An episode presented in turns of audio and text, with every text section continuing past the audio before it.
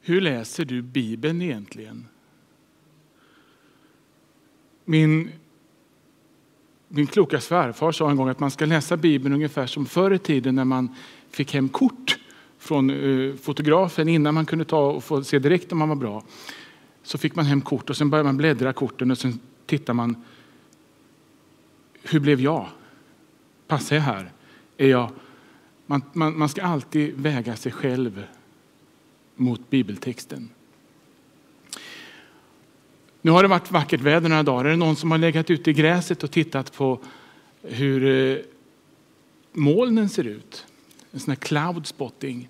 Det går inte att ligga och titta på molnen utan att titta efter mönster. Har ni tänkt på det? Jag har sett allt möjligt i molnen, men det finns ju ingenting. Vi människor har en nedärvd längtan efter att se mönster i allting. Till och med i avdunstad vatten.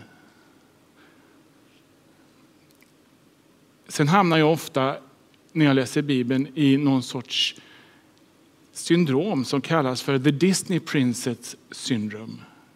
Disneyprinsessan syndromet. Jag ser inte ut som en Disneyprinsessa, men när jag läser Bibeln då läser jag som om jag vore prinsessan i en Disneyfilm. Eh, alltså den där stjärnan i berättelsen. Eh, jag har aldrig varit Judas i den sista måltiden. Jag har aldrig varit Kain som dödade Abel. Eh, aldrig Goliat. Eh, jag har självklart inte varit prästen eller leviten utan alltid den barmhärtige samariten. Och jag är ytterst sällan skriftlärd eller farisé utan jag är alltid folket eller lärjungarna. Och sen läser vi ofta brottsstycken i Bibeln, ibland kanske ett helt kapitel, men vi läser sällan sammanhangen. Om jag hade gjort samma sak när jag studerade till läkare, som du pratade om att jag var, eh, då hade jag varit ganska farlig eh, som, eh, för patienterna om jag bara hade läst lite grann här och lite grann där. När en patient kommer till mig som har huvudvärk Eh, så måste jag försöka ta reda på vad är det som är fel. Är det något farligt? Är det något ofarligt? Eh, går det här att behandla eller inte? Och då måste jag fördjupa mig rätt mycket i den här historien bakom huvudvärken. Eh, hur började det? Kom det snabbt, som om det vore en hjärnblödning? Kom det långsamt och smugit sig på så att det kan vara en hjärntumör som ligger bakom? Eh, vad finns det för riskfaktorer? Är det en gammal människa över 65 år som kan ha en temporalis arterit eller är det en ung som inte kan ha det i princip? Eh, är det någon som precis har varit gravid eller nyförlöst som kan ha en propp i hjärnan, en sån här sinustrombos? Ärftligheten, föräldrarna, finns det några sjukdomar i släkten som skulle kunna tala för det ena eller andra? Eh, och finns det någonting som hänt innan? Eh, har hon fått en hjärnskakning någon gång? Blivit misshandlad? Eh, hur länge sitter attackerna i? Det är massa frågor jag måste ha svar på.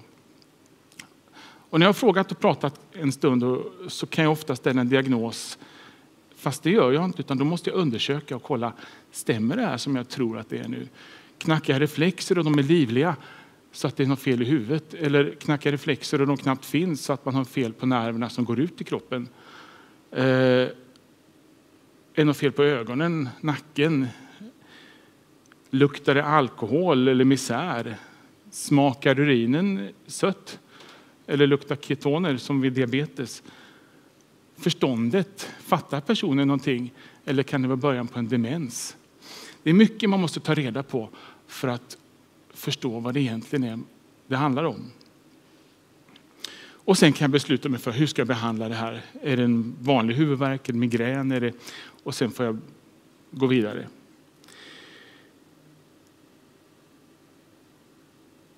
Jag kan, annars får jag göra som en del andra gör. Man säger ta en Panodil och kom tillbaka om två veckor om det inte blir bra. Men det tror jag inte är den rätta vägen. Det är den korta vägen, där man läser brottstycket i Bibeln. Då blir man en sån Panodildoktor. doktor och det vill inte jag vara. Eh, dagens predikotext är om den förlorade sonen i Lukas 15, 11-32. Men egentligen är det bara en del av ett längre undervisande samtal som Jesus hade. Egentligen är samtalet hela vägen från Lukas 15.1 till 17.10, det vill säga två och en halv kapitel. Kontexten är Jesus har pratat för rätt många människor och sen står det så här att alla tullindrivare och syndare sökte sig till Jesus för att höra honom. Fariseerna och de skriftlärare förargade sig och sa den mannen umgås med syndare och äter med dem. Då gav han dem denna liknelse, står det. Och så ger han liknelsen om det förlorade fåret. Alltså ett får är borta, herden letar rätt på det fåret och så slutar det med större glädje i himlen över en enda syndare som omvänder sig än över 99 rättfärdiga som inte behöver omvända sig. Eller om en kvinna som har tappat ett mynt. Fortsätter han med. Kvinnan, liknelsen om det förlorade myntet. En kvinna tappar ett mynt och letar och städar hela huset för att hitta myntet. Och när hon hittar myntet så blir hon jätteglad. Och på samma sätt gläder sig Guds änglar över en enda syndare som omvänder sig. Och sen kommer liknelsen om den förlorade sonen. Som vi kommer tillbaks till. Och sen säger han till sina lärjungar, och då är det en liknelse till. Så han sa, här får ni höra en liknelse. Så kom många liknelser på en gång i samma samtal. Och då var det liknelsen om den ohederlige förvaltaren. En rik man har en förvaltare som det ryktas om inte är schysst. Och när den rike mannen får reda på det här, då tar han till sig förvaltaren och säger jag måste få reda på hur det faktiskt står till. Kom hit med dina räkenskaper. Och då passar förvaltaren på att gå ut till alla som är skyldiga honom någonting och säga eh, jag vill eh, att du är skyldig med 100, skriv ner till 20 och du är skyldig med 30, skriv ner till 10. Och då får han beröm av eh, den rike mannen. Och så fortsätter med att den som är trogen i stort är trogen i smått. Använd den ohederliga mammon för att få vittnen som kan vittna om dig i himlen när mammon sviker. Det vill säga, ge till dem som behöver så att det finns människor som du faktiskt har använt det ohedliga mammon till att hjälpa och inte bara till dig själv. Allt, allt detta hörde fariseerna som älskade pengar och de gjorde narr av honom. Då sa han till dem. Ni vill framstå som rättfärdiga inför människorna, men Gud känner era hjärtan. Lagen och profeterna hade sin tid fram till Johannes. Sedan dess förkunnas Guds rike och alla trängs för att komma in där. Men förr ska himmel och jord förgås innan en enda av prick i lagen faller bort. Och sen går han vidare till en liknelse till. Det är den femte liknelsen i samma samtal. Liknelsen om den rike mannen som levde i fest varje dag, levde gott, hade gott om pengar och levde, klädde sig i purpur. Det var det dyraste man kunde klä sig i. Och Lazarus, en tiggare som låg vid stadsporten med sår som hundarna slickade på. Och så dog Lazarus och, kom och fick sitta bredvid Abraham i himlen. Och den rike mannen dog också och kom till eh, det andra stället där det var varmt och obehagligt. Och den här mannen ropar till Abraham, snälla se till Lazarus och komma hit med lite vatten. Eh, nej, det finns en klyfta mellan de här ställena så att han kan inte komma. Men gå, låt Lazarus i alla fall komma tillbaks till livet. Och Eh, låt honom berätta för mina bröder och systrar att, eh, han, om, om hur viktigt det är att följa det här. Och då säger, säger, de, säger Abraham, nej, om, om det är så att eh, man tror så mycket på så lite på det här så räcker det inte med att det kommer en från dödsriket tillbaks. Och så hänvisar han till Mose lag att den har ni redan. Och sen kommer nästa steg i det här samtalet är förförelser, förlåtelse och tro. Intressant, jag har läst den här överskriften gång på gång. Jag har alltid skrivit förföljelser, förlåtelse och tro. Och nu såg jag att det stod förförelser, förlåtelse och tro. Efter 50 års bibelläsande. Det är oundvikligt att förförelserna kommer, men ve den genom vilken det kommer. Ta er i akt Om din broder gör orätt så tillrättavisa honom och förlåt honom. Apostlarna sade, ge oss större tro. Han svarade, om ni hade tro som ett senapskorn skulle ni kunna säga åt mullbärsträdet där, dra upp dig själv med rötterna och plantera det i havet. Och det skulle lyda. Det är hela samtalet Jesus hade. Och mitt i det här kommer texten om den förlorade sonen. Jag tänkte läsa det nu. Det är alltså från Lukas 15, kapitel 11 och framåt. Nej, vers 11 och framåt. Han sa, en man hade två söner. Den yngste sa till fadern, far, ge mig den del av förmögenheten som ska bli min. Då skiftade fadern sin egendom mellan dem. Några dagar senare hade den yngsta sonen sålt allt han ägde och gav sig iväg till ett främmande land. Och där slösade han bort sin förmögenhet på ett liv i utsvävningar. När han gjort av med allt blev det svår hungersnöd i landet och han började lida nöd. Han gick och tog tjänst hos en välbärgad man i landet och denne skickade ut honom på sina ägor för att vakta svin. Han hade gärna velat äta sig mätt på fröskidorna som svinen åt, men ingen lät honom få något. Då kom han till besinning och tänkte, hur många daglönare hos min far har inte mat överflöd och här svälter jag ihjäl. Jag ger mig av hem till min far och säger till honom, far, jag har syndat mot himlen och mot dig. Jag är inte längre värd att kallas din son. Låt mig få gå som en av dina daglönare. Och han gav sig av hem till sin far. Redan på långt håll fick fadern syn på honom. Han fylldes av medlidande och sprang emot honom och omfamnade honom och kysste honom.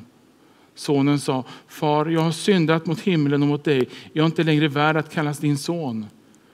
Men fadern sa till sin tjänare, skynda er att ta fram min finaste dräkt och klä honom i den och sätt en ring på hans hand och skor på hans fötter och hämta gödkalven och slakta den så ska vi äta och hålla fest.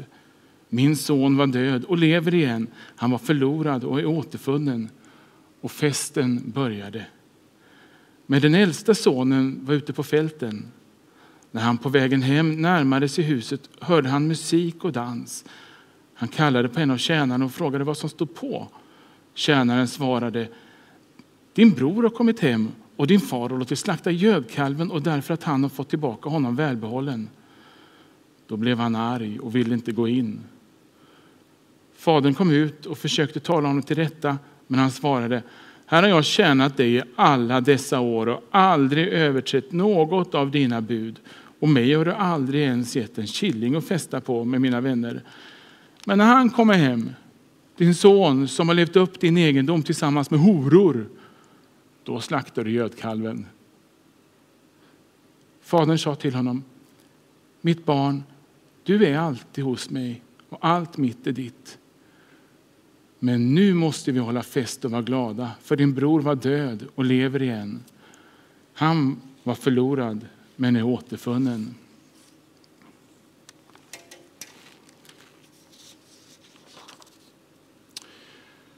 Disneyprinsessan i mig har alltid läst texten som att jag var den här sonen som var kvar hemma. Vem annars? Eh, jag tror att man ska tolka den här texten tillsammans med texten om fåret och myntet. Någonting går förlorat, medvetet som i förlorade sonen eller omedvetet som i hon som tappar myntet eller fåret som sprang iväg. Men Gud ger inte upp. Han är som herden, som kvinnan och som fadern. Han står kvar och väntar och längtar och blir glad när vi kommer tillbaka. Så jag tror det är andemeningen med hela berättelsen. Den här cloudspotting-bilden. Man ser Gud. Det är han som är kärnan i det här. Jag har fått frågan av några stycken att prata om hur den här hemmavarande sonen ser på det här. För det är alltid svårt. Eh, han hade ju fått halva arvet. Eh, men det var ju så att det står i Jesus Syrak eh, eh en av apokryferna att man ska inte skifta arvet förrän man dör. För det är dumt att sätta sig i skuld till sina barn. Så egentligen var det pappan som gjorde fel som gick med på att skifta arvet. För att allt, arvet var ju skiftat. Sonen som var hemma ägde ju allting som var där hemma. För allt det andra hade den andra fått och pappan var ju bara en tjänare egentligen. Eh, men det tänker vi inte alltid på när vi läser den här. Eh, den här gången, idag, tror jag att Gud vill att vi ska ändra perspektiv. Vi är inte den här hemmavarande sonen. Det är vi, hans folk, hans kyrka, jordens befolkning. Det är vi som är den förlorade sonen. Vi har tagit ut vår arvslott redan här och försöker finna mening och skapa ett människorike på jorden. Och det har inte gått så bra. I Galaterbrevet 5, 22, 23 så räknas det upp nio egenskaper som präglar den heliga ande, eller andens frukter kallas det. Kärlek, glädje, frid, tålamod, vänlighet, godhet, trofasthet, ödmjukhet och självbehärskning. Det här är byggstenarna i Guds rike, himmelriket på jorden. Och med all respekt för att det finns andra åsikter, det här är inte riktigt vad jag hör när mina patienter berättar hur de har det hemma eller sin arbetssituation eller sin relation med myndigheter, till exempel Försäkringskassan. Det är inte alltid godhet, vänlighet, tålamod, trofasthet, ödmjukhet. Så det skaver någonstans, för att inte tala om eh, våra politiker och ledare. Lyssna på Erdogan och Trump eller Putin eller våra egna partiledare när de har en partiledardiskussion.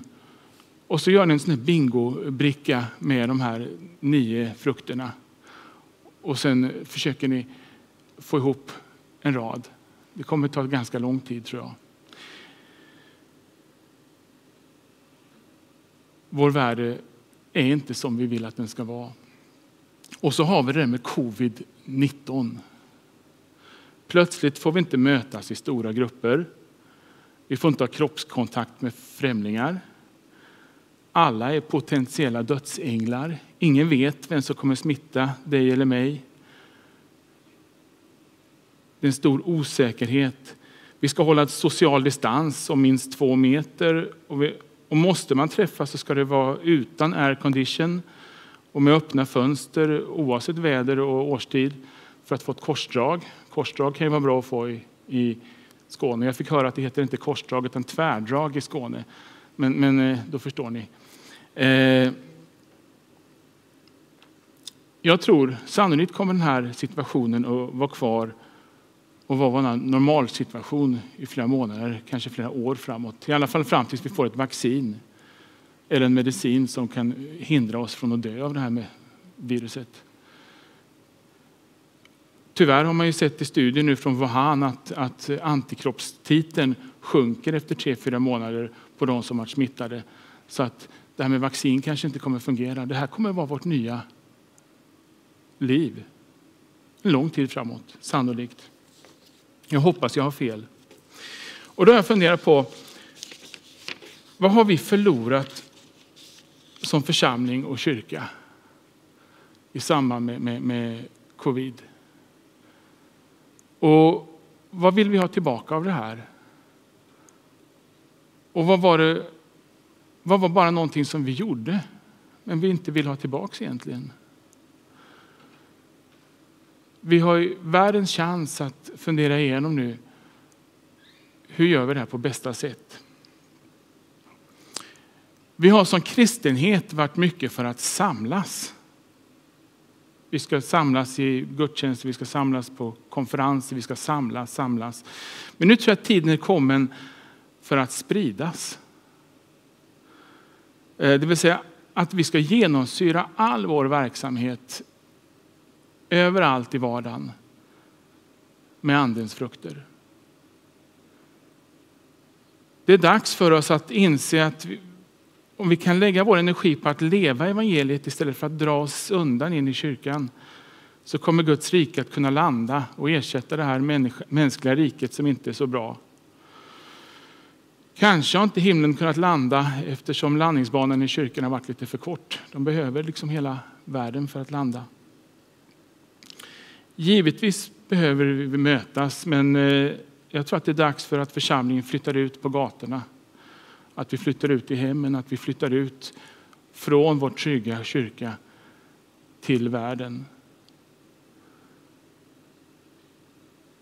Vi, de förlorade sönerna och döttrarna, har gått vår egen väg alldeles för länge.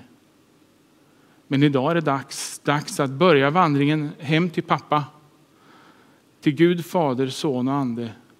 Att lägga om livets pussel och börja gå hem till helheten, sanningen och friden.